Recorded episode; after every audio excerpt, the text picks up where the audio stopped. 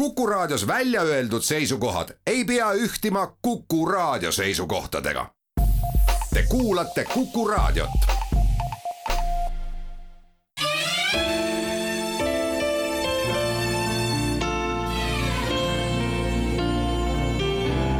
nädala raamat.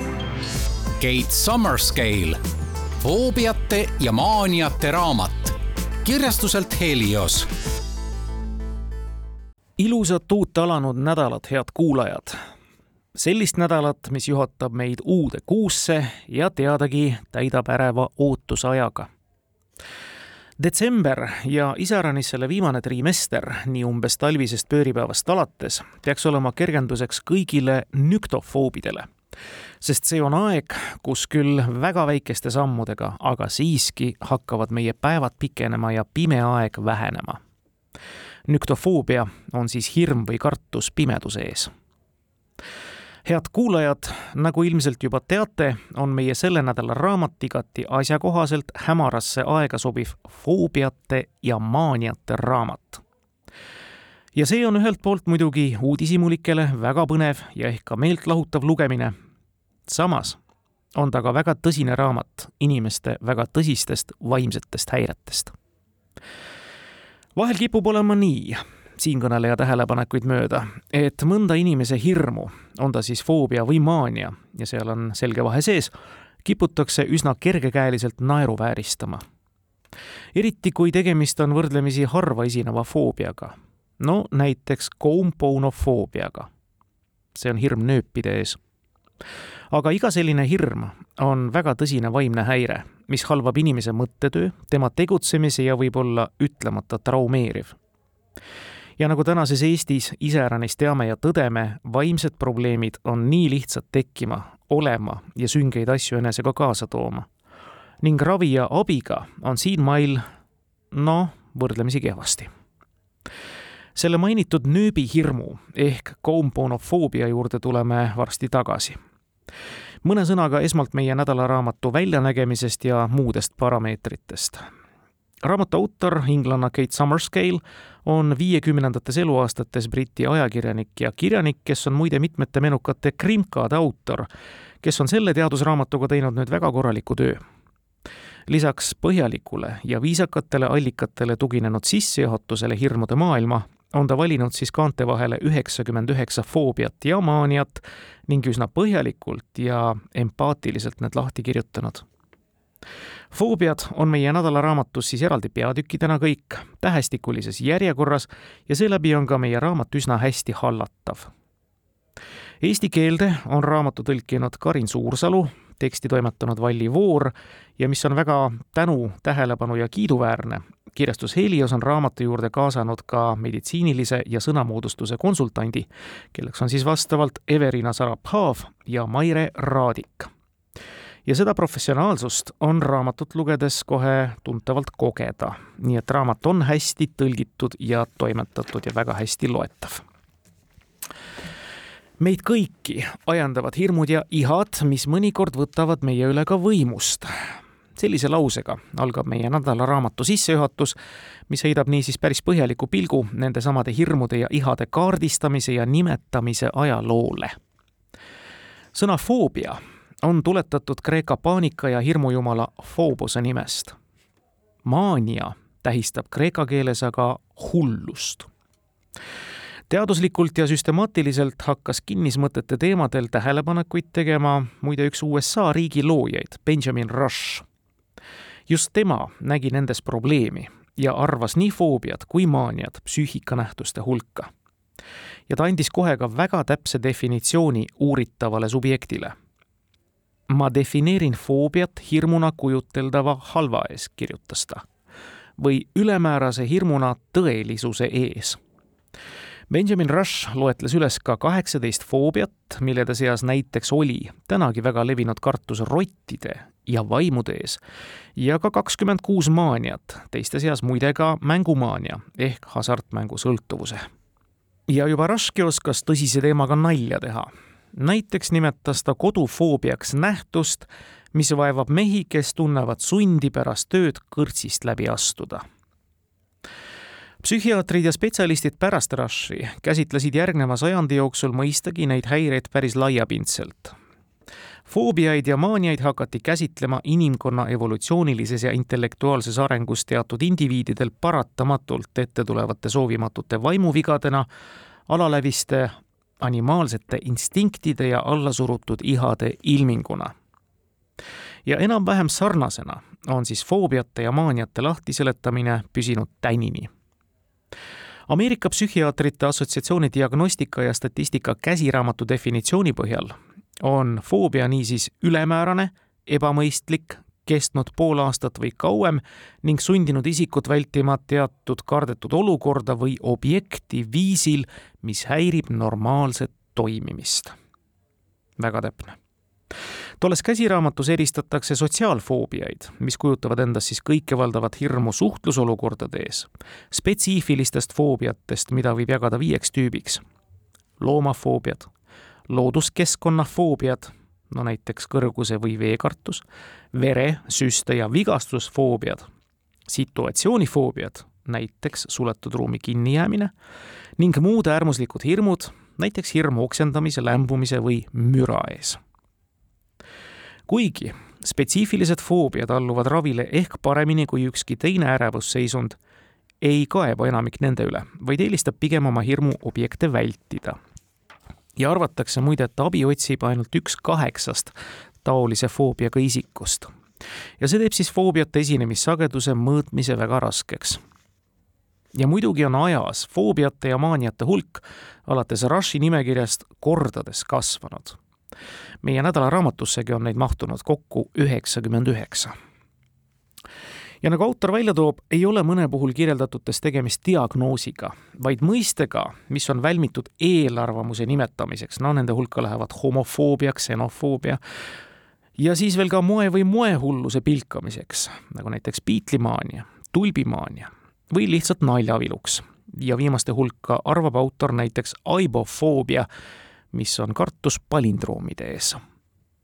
enamik selle raamatu märksõnu tähistab siiski tõelist häiret ja piina valmistavat seisundit ja seda peab autor vajalikuks rõhutada. ja tulemegi nüüd ehk juba mainitud koumponofoobia juurde. see on siis hirm või kartus nööpide ees seesama foobia võib, aga ei pruugi olla üks põhjusi, miks Apple'i arvutite hiirtel ei ole klahve nimelt, sedasama nööbihirmu või vastumeelsust nööpide suhtes tundis Steve Jobs, kes, kui nüüd tema kuju meenutate, kandis selle tõttu alati kõrgekaelusega džempreid. Jobsi vastumeelsus laienes tegelikult igasuguste aparaatide nuppudele ja klahvidele. tuhande üheksasaja üheksakümnendatel aastatel olla Steve Jobs möödunud korra arvutihiire prototüübist, millele olid klahvid veel paigutamata. geniaalne, märkis ta, mingeid klahve pole üldse vaja ja seda kuuldes söössidki tarkvarainsenerid välja töötama klahvideta hiire varianti.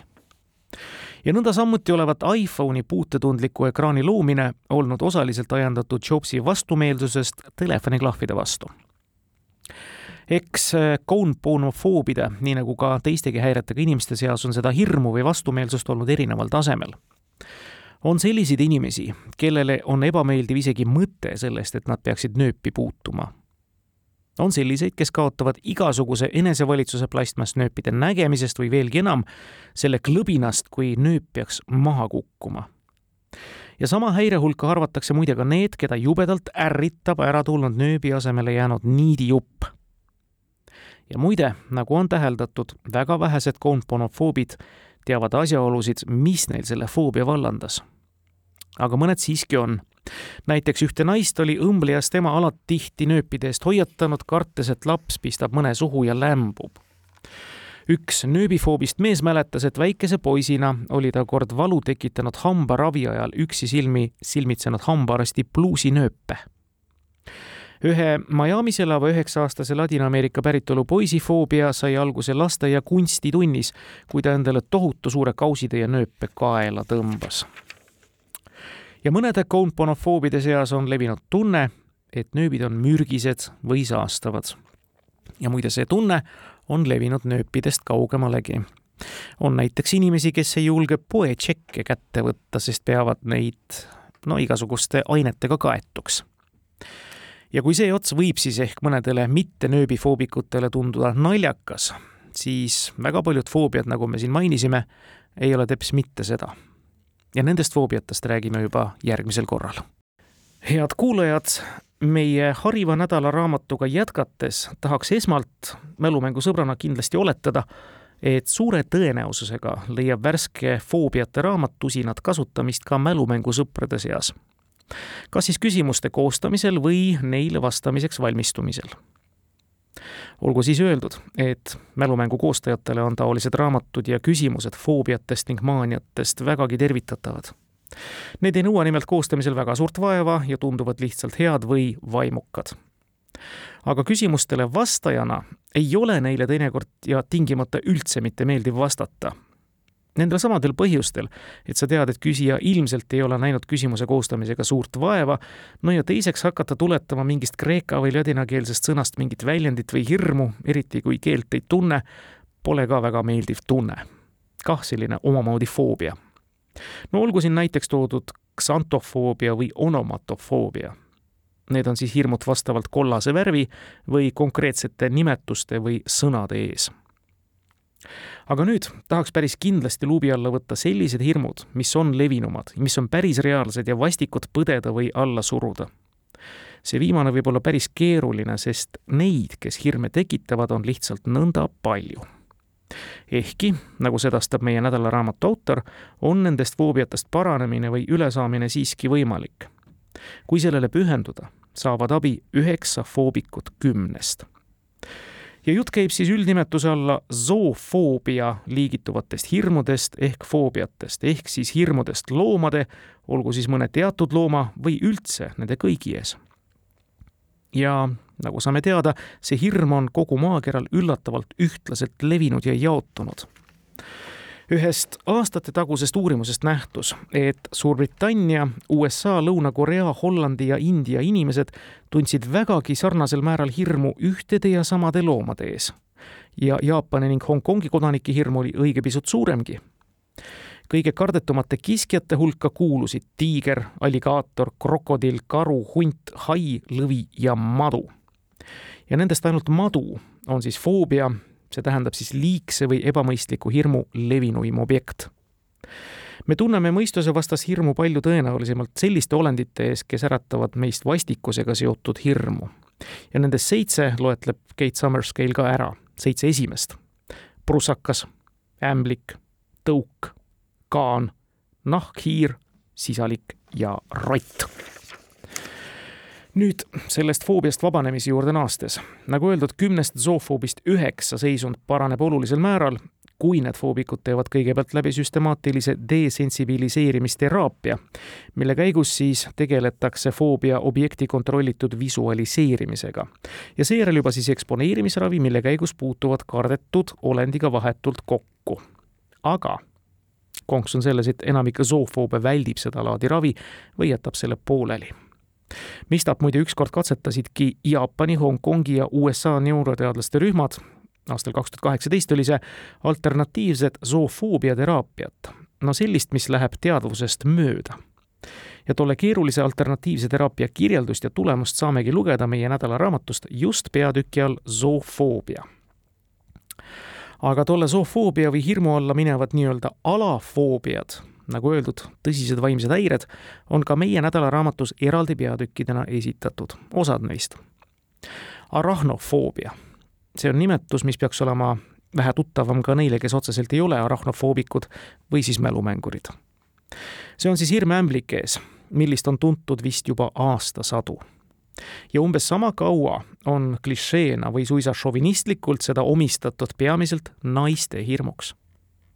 aga see pole sugugi nii nagu autor kirjutab, lausa neli protsenti meie seast kardab ämblikke. enamiku uurimiste kohaselt jääb ämbliku hirm alla ainult hirmule madude ees. paljud arahnofoobid on kindlad, et nende vastumeelsus on instinktiivne näiteks üks neist, kirjanik ja produtsent Charlie Brooker on väitnud, et tema hirm liikuvate õudusnäo elukate ees on refleks, evolutsioonilise omaduse jäänuk, mis mõnel on ja mõnel mitte. täpselt nagu mõni saab keelerulli keelata ja mõni mitte ja nagu viidatud, autor Summerscale on põhjalik, lisaks kirjeldustele kirjandusest lisab ta juurde ka teaduslikke selgitusi. Ühena näiteks selle, et neuroloogilised uuringud on kinnitanud, et arachnofoobiline reaktsioon läheb teadvustatud mõtlemisest mööda. meie primitiivne emotsionaalne aju töötleb ämbliku kujutise otsekohe millisekunditega, annab ta siis ka laamusmandeltuumale ajus käsu vallandada epinefriini, insuliini ja kortisooli, mis tõstavad vererõhku ja suurendavad pulsi ja hingamissagedust, et olla valmis võitlema või põgenema. aga eesajukoor hindab ohtu aeglasemalt ja otsustab, kas tühistada mandeltuuma ettevalmistused või toimida nende kohaselt. ent refleks võib olla õpitav. Pealegi puudub selge evolutsiooniline põhjus, miks me peaksime ämblikele just nõnda reageerima, kui reageerime. sest maakera umbes viiekümnest tuhandest ämbliku liigist on ohtlikud vaid ligikaudu null koma üks protsenti maailmas on palju eluohtlikumaid olendeid, kes tekitavad aga millegipärast vähem hirmu ämblikud väidetavalt isegi kaitsevad meid, punudes võrku, kuhu takerduvad võimalikud kahjurid, näiteks kõrvahargid või kärbsed. Austraalia bioloog Tim Flannery on sidunud arahnofoobia evolutsiooniga.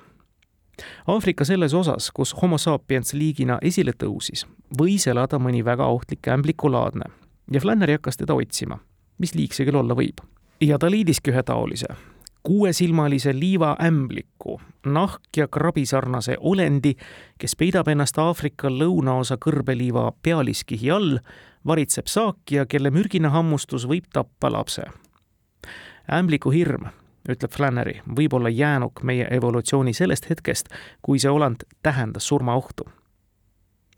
aga meie ämbliku vastikuses on muudki sellist mitteseletamatut või kummalist näiteks on aju aktiivsuse skaneeringud osutanud, et kui arachnofoob näeb ämblikku, siis aktiveerub ka see ajuosa, mis tekitab vastikusreaktsiooni. ja kummalisi asju on selle foobiaga veel. Arachnofoobia nimelt on tavaline nendes riikides, mida asustavad eurooplased ja nende järeltulijad. samas kui Aafrika ja Kariibi saarte teatud osades ei peeta ämblikku sugugi roojaseks ja ohtlikuks elukaks, vaid hoopis maitsvaks toiduks ja nõnda palju, kui on ämblik omandanud aja jooksul sümboolseid tähendusi folklooris, mütoloogias, kunstis, mis muide ajas ja endiselt on palju muutumas, on ka teadlased leidnud sellele foobiale väga palju selgitusi no levinumatest me tegime juba juttu, aga on olemas ka selline arvamus ühelt saksa psühhoanalüütikult, kelle nimi on Karl Abraham, teda peetakse muide Freudi järglaseks, et ämblik kehastab ablast, võrgutavat ja kastreerivat ema, naissuguelunditesse kätkenud peenist loodusfilosoofid aga leiavad, et me kardame ämblikke kui anarhilise loodusvalla saadikuid, lakkamatuid metsiku looduse meeldetuletusi lääne kultuuris, mis on end esile tõstnud just nimelt võimega ennast loodusest eraldada ja seda kultuuriliselt enda kontrolli all hoida. või siis üks arvamus, mis on eelöelduga sarnane ämblikud asendavad meie alateadvuses midagi muud, nagu oleksid nad loodud meenutama meile midagi, mida me tahame unustada, kuid ei suuda ka meelde tuletada. nii või teisiti, head kuulajad, tegemist on hirmuga, mida iga kahekümne viies meist ja teist põeb või omab. ja mõned meist vägagi paaniliselt. ja arahnofoobia peatükk, muide, meie nädalaraamatu üks tüsedamaid, toob välja mõistagi ka mitmed ravivõtted kaugemast ja lähemast ajaloost, millega sellest foobiast on võitu saadud. kuni sinnamaani välja muide, et see ämbliku hirm on mõnest inimesest ka suisa välja lõigatud. head kuulajad, meie nädalaraamat ei kätke endas ainult hirme ehk foobiaid. Nende samade kaante vahele on autor mahutanud ka kimbukese maaniaid. jah, need mõlemad on omamoodi haiglaslikud ilmingud aga olemuselt põhimõtteliselt erinevad. ehk siis kõige lihtsamini lahti seletatuna, foobia on haiglaslik tung midagi vältida, maania on tavaliselt haiglaslik tung midagi teha. mõlemad, aga maaniad iseäranis, on kinnisideed. sellised, millesse pimesi usutakse. enamasti kahju tegevad ainult maaniat põdevale inimesele endale no näiteks haiglaslik kirg midagi koguda või osta, milleks otseselt vajadus ei ole. meilgi näiteks on aeg-ajalt ju kirjutatud tavalise rämpsu kuhjajatest otsijatest. aga juhtub paraku ja vahel ka üsna tihti, et maania on selge oht ümbritsevale. büromaania näiteks.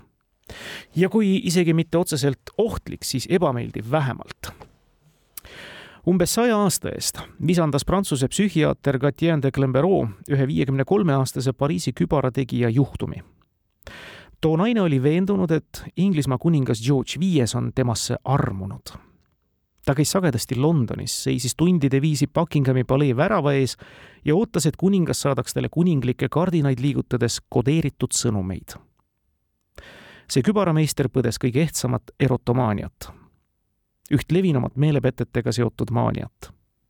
sellist, kus isikul on alusetu ja liialdatud usk omaenda ihaldusväärsusesse.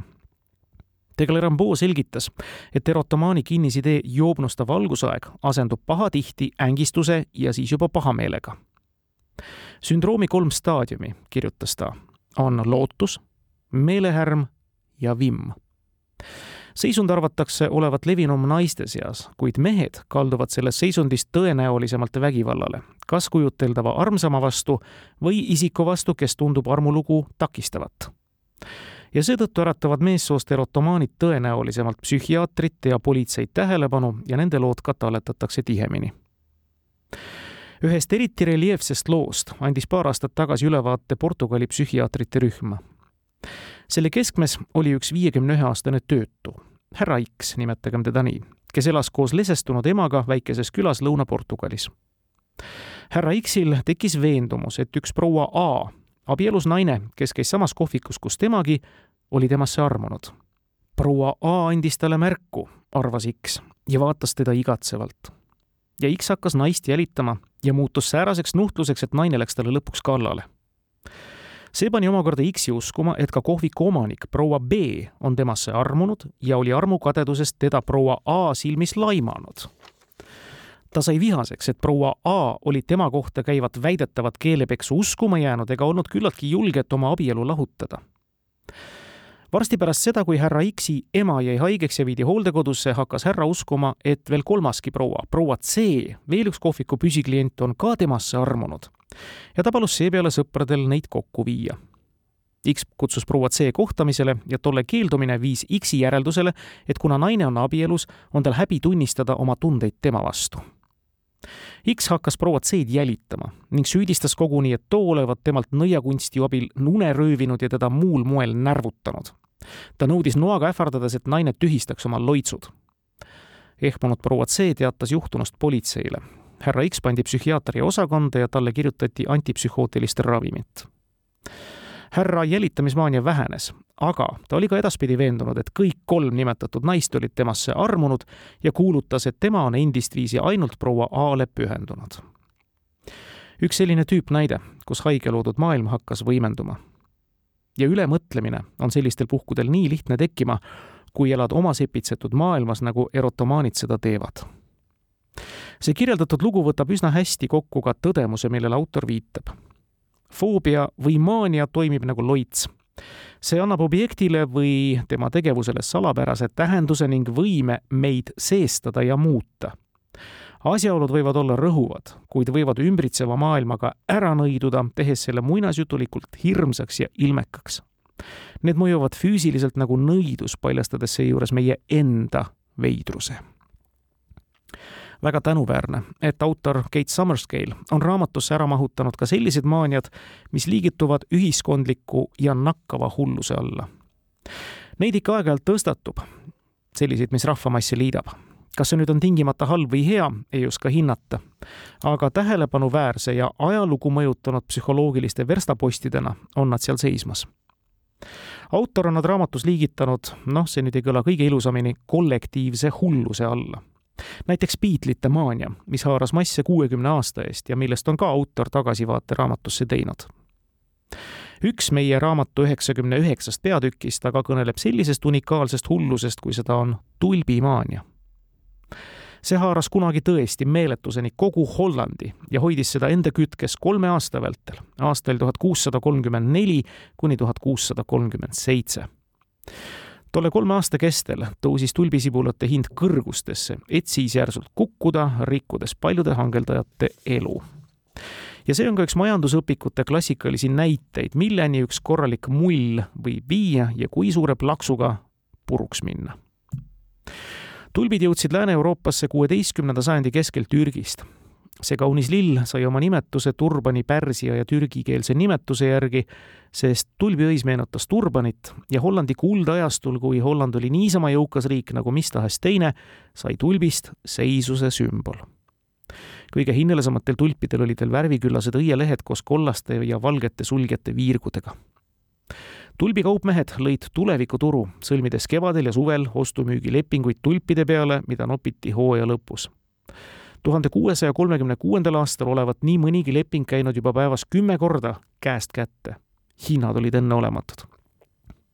näiteks ühe ainsa Vikeroo tolbi eest nagu kirjutas tolleaegne kirjamees Charles Mackay, anti neli rammusat härga, kaheksa nuumsiga, kaksteist prisket lammast, kaks saami veini, neli vaati õlut, kaks tünni võid, tuhat naela juustu, voodiülikond, hõbekruus ning suur hulk nisu ja rukkist tulpide omandamise hullus paisus nii suureks, et maa tavaline tööstus jäeti hooletusse.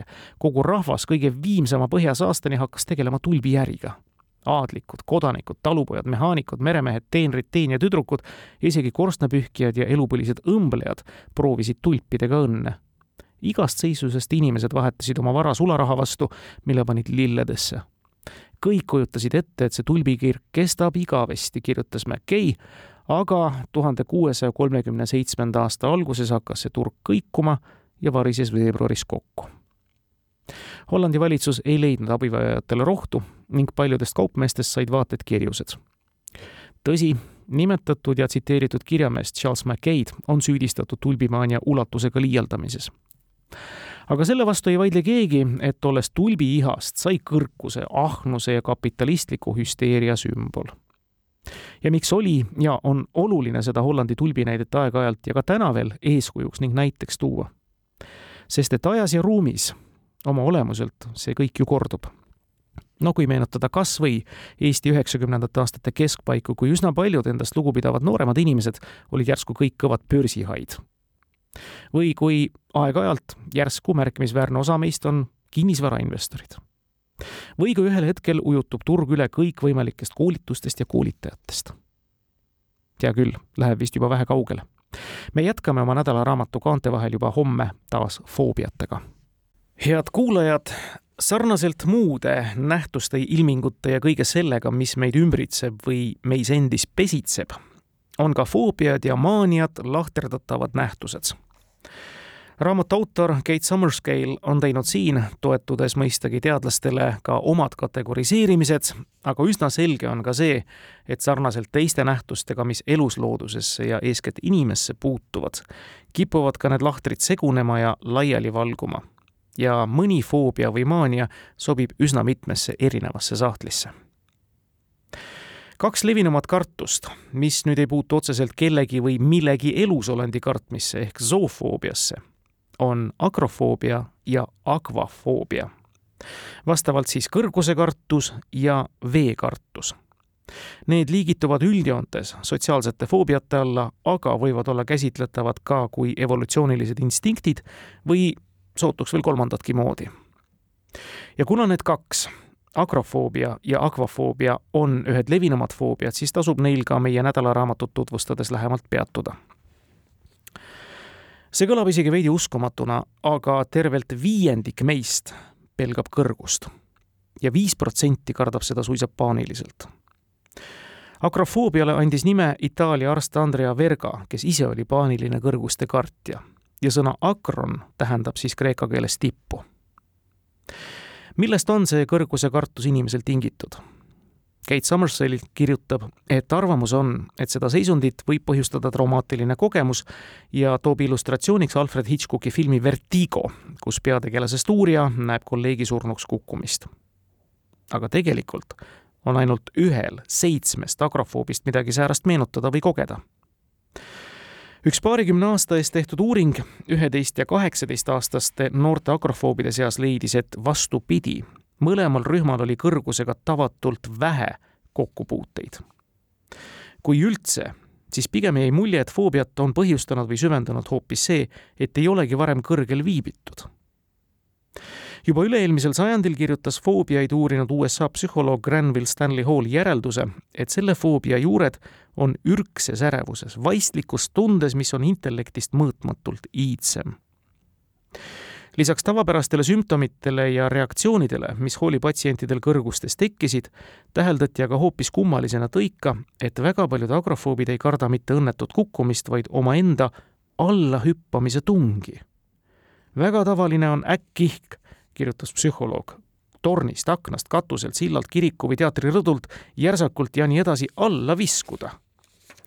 mõni agrofoob klammerdub piirde või kõrvalseisja külge, et takistada enda alla viskumast ja kõigele lõppu tegemast, kirjutas Hall ja järeldas, et tegelikult kardab inimene kõige rohkem iseennast sest kõige vähem tunneb ta oma sisimat ürgset loomust, mis võib tema ihu ja hinge täielikult haarata ja valitseda.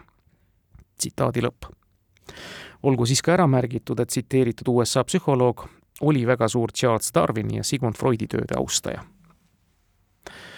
on psühholooge, kes usuvad, et akrofoobia tabab neid, kes pööravad oma keha aistingutele liiga suurt tähelepanu ja tõlgendavad neid vääralt.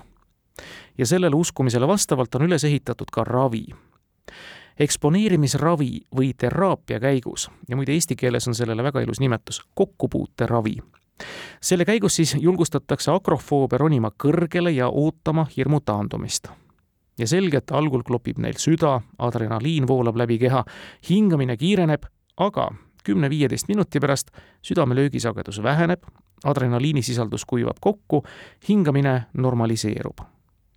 ja nende hirmusümptomite möödumist oodates õpivad nad seostama kõrgust juba normaalsete tunnetega neli aastat tagasi värbas Oxfordi ülikool juhuvalikuga katsesse sada akrofoobi. kui nad esmalt olid kõik täitnud kõrguse kartuse mõõtmiseks mõeldud küsimustikku, määrati poolele katserühmale immersiivne virtuaalreaalsuse teraapia. teine pool jäi kontrollrühmaks kahe nädala jooksul toimunud kuuel pooletunnisel seansil kandis virtuaalreaalsuse rühm virtuaalreaalsuse prille, mis võimaldas neil kümnekorruselise kontorihoone simulatsioonil trepist üles liikuda, täites samal ajal mitmesuguseid ülesandeid. ühel korrusel näiteks tuli kass puu otsast päästa. teise korruse serval mängida ksülofoni, kolmandal aga aknast palle välja loopida ja nõnda kujunesid neil katsealustel mälestused sellest, et nad olid end kõrgel tundnud turvaliselt katse lõpus uuesti küsimustikku täites teatas virtuaalreaalsuse rühm agrofoobsete sümptomite vähenemisest peaaegu seitsmekümne protsendi võrra. seevastu kontrollrühma hirm oli vähenenud vähem kui neli protsenti. kaks nädalat hiljem sedasama küsimustikku uuesti täites oli rohkem kui kahe kolmandiku virtuaalreaalsuse rühma liikmete tulemus langenud katse kõrguse kartuse algkriteeriumist madalamale. seega nad ei olnud enam agrofoobsed umbes iga viiekümnes maakera elanik tunneb tugevat hirmu vee ja eriti uppumiste ees. Need on siis akvafoobiast vaevatud isikud. ja huvitav paralleel nüüd agrofoobide ehk kõrgusekartjatega. ka veekartlikel inimestel ei ole reeglina olnud hirmutavaid kokkupuuteid veega rohkem kui teistel. vastupidi, näib, et need, kes vett ei karda, on saanud oma loomulikust hirmust üle ujuma õppides akvafoobia puhul on oletatud, et see on isetekkeline foobia. muide, psühholoogid on üldse välja pannud kaalumiseks teesi, et levinuimad foobiad võivad olla soodumuses kaasasündinud. akvafoobia seda küll ei ole. see hirm võtab, kui võtab, meis võimust umbes siis, kui oleme pooleaastased või hakkame omal jalal ringi liikuma. see on siis aeg, kui füüsilise hädaohu teadvustamine tuleb meile ainult kasuks veekartus on muide kultuuriti rabavalt erisugune ja see on väga huvitav tähelepanu psühholoogidelt. Journal of Black Studies'i kahe tuhande üheteistkümnenda aasta väljaandes avaldatud artikli kohaselt näiteks ujus enesekindlalt vaid üks kolmandik mustanahalistest ameeriklastest, aga valgete seas oli neid kaks kolmandikku. osalt väitsid autorid, võrsus see eeldus sellest, et ujumine oli kunagi kallis maaklubi harrastus, mis omakorda oli siis jäänud kahekümnenda sajandi alguse rassistlikust poliitikast, kui mustanahalistel keelati munitsipaalujulate külastamine. nüüd mõtleme natukene, head kuulajad, kui olete juhtunud nägema ujumises tippvõistlusi, olümpiamänge, maailmameistrivõistlusi, kui palju te olete näinud seal mustanahalisi ujujaid võrrelduna valgenahalistega? aga akvafoobiaga nüüd jätkates siis autor kirjutab, et tegemist on ärevusega, mis õigustab iseennast. sest et inimestele, kes vett väldivad, on vesi tõepoolest ohtlik. nüüd äh, lühiekskursiooni sotsiaalsete foobiate juurde lõpetades tahaks peatuda kindlasti veel ühel hirmul, millele meie nädalaraamatus muide kreeka või ladinakeelset epiteeti polegi pandud. Ja kõlagu või näigu see nii piinlik või mõnele ehk mingil põhjusel ka naljakas, tegemist on tõsise häirega. see on siis avalikus kohas urineerimise foobia see on klassikaline sotsiaalne foobia ühes füüsiliste kaitserefleksidega. on inimesi, kelle põiesulgurlihas tõmbub avalikus tualetis nõnda tugevalt kokku, et nad ei saagi urineerida. ja seda psühhogeenset seisundit tuntakse siis parureesi või siis häbeliku põie sündroomina see on levinud spetsiifiline sotsiaalfoobia, mille esinemissagedus jääb alla vaid glossofoobiale ehk siis avaliku kõnepidamise hirmule muide, tippspordis võib see olla probleemiks ja ongi probleemiks, sest et selle seisundi all kannatavad sportlased ei suuda dopingutesti jaoks urineerida. ja mõni kardab avalikes tualettruumides urineerimist nõnda, et on sunnitud ka koju jääma. halvimatel juhtudel põhjustab see foobia füüsilisi kahjustusi ja nõuab ka meditsiinilist sekkumist. Spetsialistid ütlevad, et parureisi hinnanguline esinemissagedus jääb vahemikku kaks koma kaheksa kuni kuusteist koma neli protsenti meeste seas on see häire rohkem levinud kui naiste seas ja seda võib peegeldada erinevusi füsioloogias. nimelt siis meestel tekib vananedes sagedamini uriinipeetus, naistel aga pidamatus ja samuti erinevat privaatsusastet avalikes tualettruumides, sest et nagu teame, enamasti on meeste tualetis pissuaarid, aga naiste omas suletud kabiinid leidub inimesi, kelle foobia on tekkinud läbi elatud piinlikkustundest, et nende urineerimist kas on kunagi pealt kuuldud või nähtud, aga väga paljudel ei ole oma probleemi põhjustest aimugi ning nad on sellise tõrke tekkimisest lihtsalt suures hämmingus. seda foobiat ravitakse tavaliselt kognitiivkäitumisteraapiaga ja tundlikkust vähendatakse astmelise eksponeerimisraviga. aga nii mõnigi noh, endine foobik on teatanud, et tema on oma murest jagu saanud näiteks arvude loendamisega kahanevas järjekorras, toimingut tehes. ja neid tegelikult üsna lihtsaid ja lihaseid lõdvestavaid ning mõtteid eemale viivaid võtteid on veelgi. ja see on väga hea, et autor annab ka vastava viite, kust neid lugeda saab, nimelt üleilmsel Parureisi veebilehel. meie nädalaraamat kogu oma kütkestavuses, head kuulajad, on ka selline lugemine, mis võib olla osati ohtlik. Ta võib, aga ei pruugi tähelepanelikkus ja tundlikkus lugejas vallandada ka ühe omalaadse foobia nimelt sellise, kus ka lugeja täheldab endal mõnda foobiat, no vähemasti sümptomid tulevad tuttavad ette ja hea fantaasia korral võivad need võimendudagi. aga see pole enam foobia, vaid üks haigus, mida tuntakse hüpohondria nime all, kui sa hakkad endal muudkui kõike diagnoosima. no ei ole asi tegelikult nii hull hüpohondriat meie nädalaraamatus ei esine, küll aga hüpofoobia ja see nüüd on huvitav lugu, sest meie nädalaraamatus kirjeldatakse selle all foobiat, kus foobik hirmu üldse ei tunne. ehk siis hirmupuudust. ja muide, guugeldades antakse hüpofoobia vasteks midagi muud. hobusekartust ja kartust magama jäämise ees ehk siis une ees. Aga need on ilmselt tõlkes kaduma läinud selgitused ja peaksid tegelikult olema teada-tuntud vastavalt hipofoobia ja hüpnofoobia nime all tulles nüüd meie nädalaraamatus esindatud hüpofoobia juurde, siis see on võrdlemisi noor foobia. ameeriklastest psühholoogid Marx ja Ness kasutasid seda mõistet aastal tuhat üheksasada üheksakümmend neli esmakordselt ebanormaalse ja ohtliku hirmu puudumise kirjeldamiseks. Nad osutasid, et ärevus on tegelikult kasulik omadus, mis kaitseb välise ohu eest. immuunsus hirmu vastu tähendab aga kaitsetust diagnoositakse paljusid, kes kaebavad ärevust, kuid meie seas võib olla ka palju ohtlikult kartmatuid, kes muidugi ei otsigi abi. Inimesed, kes tunnevad liiga vähe ärevust, ei tule psühhiaatrile hirmu puudumist kurtma, märgivad Mark Senes ja järeldavad, et seetõttu ootab nende häire, hüpofoobia, ikka veel ametlikku kirjeldust tollesama hüpofoobia lühikese artikli all on raamatus viide ka pantofoobiale ja see on siis hoopis vastupidine hirm. hirm absoluutselt kõige vastu, mis ümbritseb sind. sõna pan tähendab kreeka keeles siis kõike. Ja ühest taolisest vist üsna äärmuslikust diagnoosist on ka selles peatükis juttu.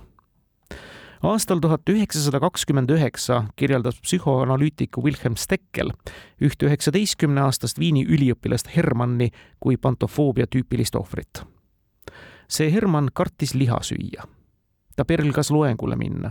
ta kartis ka akende lähedal seista ta kartis, et ta võib prostituudist mööda kõndides nakatuda süüfilisse, seepärast püüdis ta väljas käies hinge kinni hoida.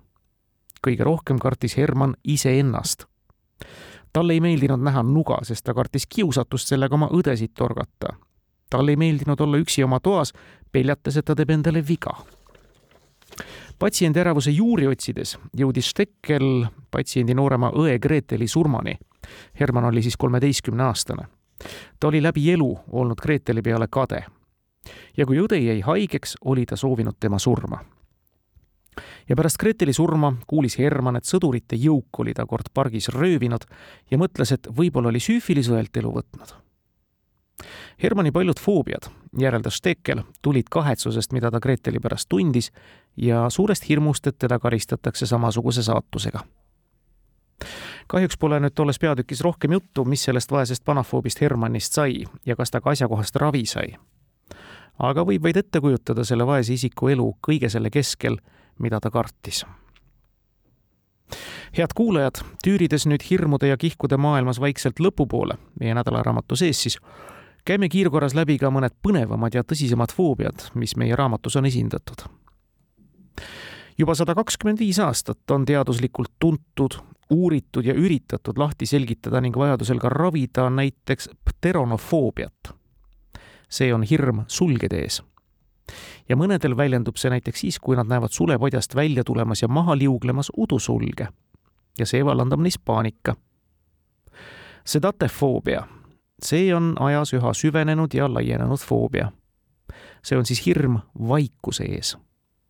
ja süveneb ta seetõttu, et maailm on lihtsalt nii lärmakaks muutunud linlased on harjumas selle taustamüraga, kiire liiklusvool, helisignaalid tänaval, telefonide piiksumine, külmikusurin, digimuusika tümps ja lakkamatu jutuvada. ja vaikus võib sel puhul teha juba rahutuks ja olla isegi talumatu. on neid, kes satuvad paanikasse, kui peavad magama näiteks vaikses toas. ja on neid, kellele käib närvidele külatee rahu. sest mingi tapeet peab tingimata sedatofoobikutele olema süllogomaania on küll vist üks vanemaid, mis inimesi vaevanud ja seda maaniat saab seostada instinktidega. ja ilmselt ka siis ajastu ja valitseva korraga. usun, et mitte väga kaugetel defitsiidiaegadel olid enam-vähem kõik kaasmaalased omamoodi süllogomaanid. see on siis harjumus või kihk kõike ja tingimusteta kokku koguda Nõukogude ajal lihtsalt tuli seda teha, sest kunagi ei teadnud, millal vaja võib minna ja mis põhiline, millal jälle saab nii-öelda normaalsel või rahuajal, kui kõike on enam-vähem alati kõikjal saada, põeb sülogomaaniat keskeltläbi kaks kuni viis protsenti inimkonnast. Bambakomolofoobia on aga vastumeelsus vati vastu. see foobia tekitab tugevat ärritust, no umbes sellist, mida tunnevad paljud, kuuldes kriidi kriuksumist tahvlil või noakriginat taldrikul või puudutades virsiku ujedat koort mõnedes tekitab õudu see, mismoodi vatitupsu saab pigistada käsnjaks massiks, mismoodi see tagasi kohevaks vetrub ja katki tõmbumisel kiuksub. paanilisemad juhud viivad isegi vastumeelsuseni vetruvate täidetud kaisulelude vastu. Badrahofoobia on vast enam levinud ja tuttavam hirm konnade, täpsemalt siis isegi kahepaiksete ees, mis väljendub muide teinekord üsna üksikutes detailides on neid, kellel on vastumeelsed või isegi hirmutavad konnakiiskavad silmad, on neid, kellele ei meeldi limane nahk, kellel tekitab vastikustunde kurgukoti tukslemine konnil, köbrulised varbad või äkki isegi ootamatu konnahüpe. brontofoobid pelgavad välku või jäikest. gelotofoobia on aga vast üsna paljudes pesitsev kartus saada lihtsalt välja naerdud.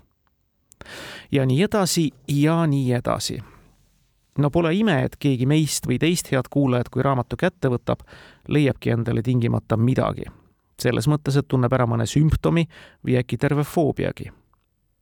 ja kui ta nüüd selle foobiaga ümbritsevaid ei häiri ja iseenesele ohtlik ei ole, ei tasu seda häiret peljata või veel vähem häbeneda. meie nädalaraamatu autor Kate Summerscale kirjutab, et kui jõuame järeldusele, et teatud käitumine on maaniline või foobiline, siis sellega märgime ära ka oma kultuurilised ja psühholoogilised piirid. osutame uskumustele, millele on rajatud meie sotsiaalne maailm.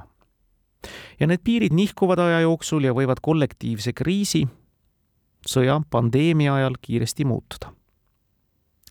head kuulajad, meie nädalaraamat, niisiis oma võimetelt ka diagnostikaraamat, peaks olema nüüdseks juba ka poodides müügil. ja seda soetades ei ole te tingimata bibliomaanid, muide, kellest samuti meie nädalaraamatus üsna palju juttu on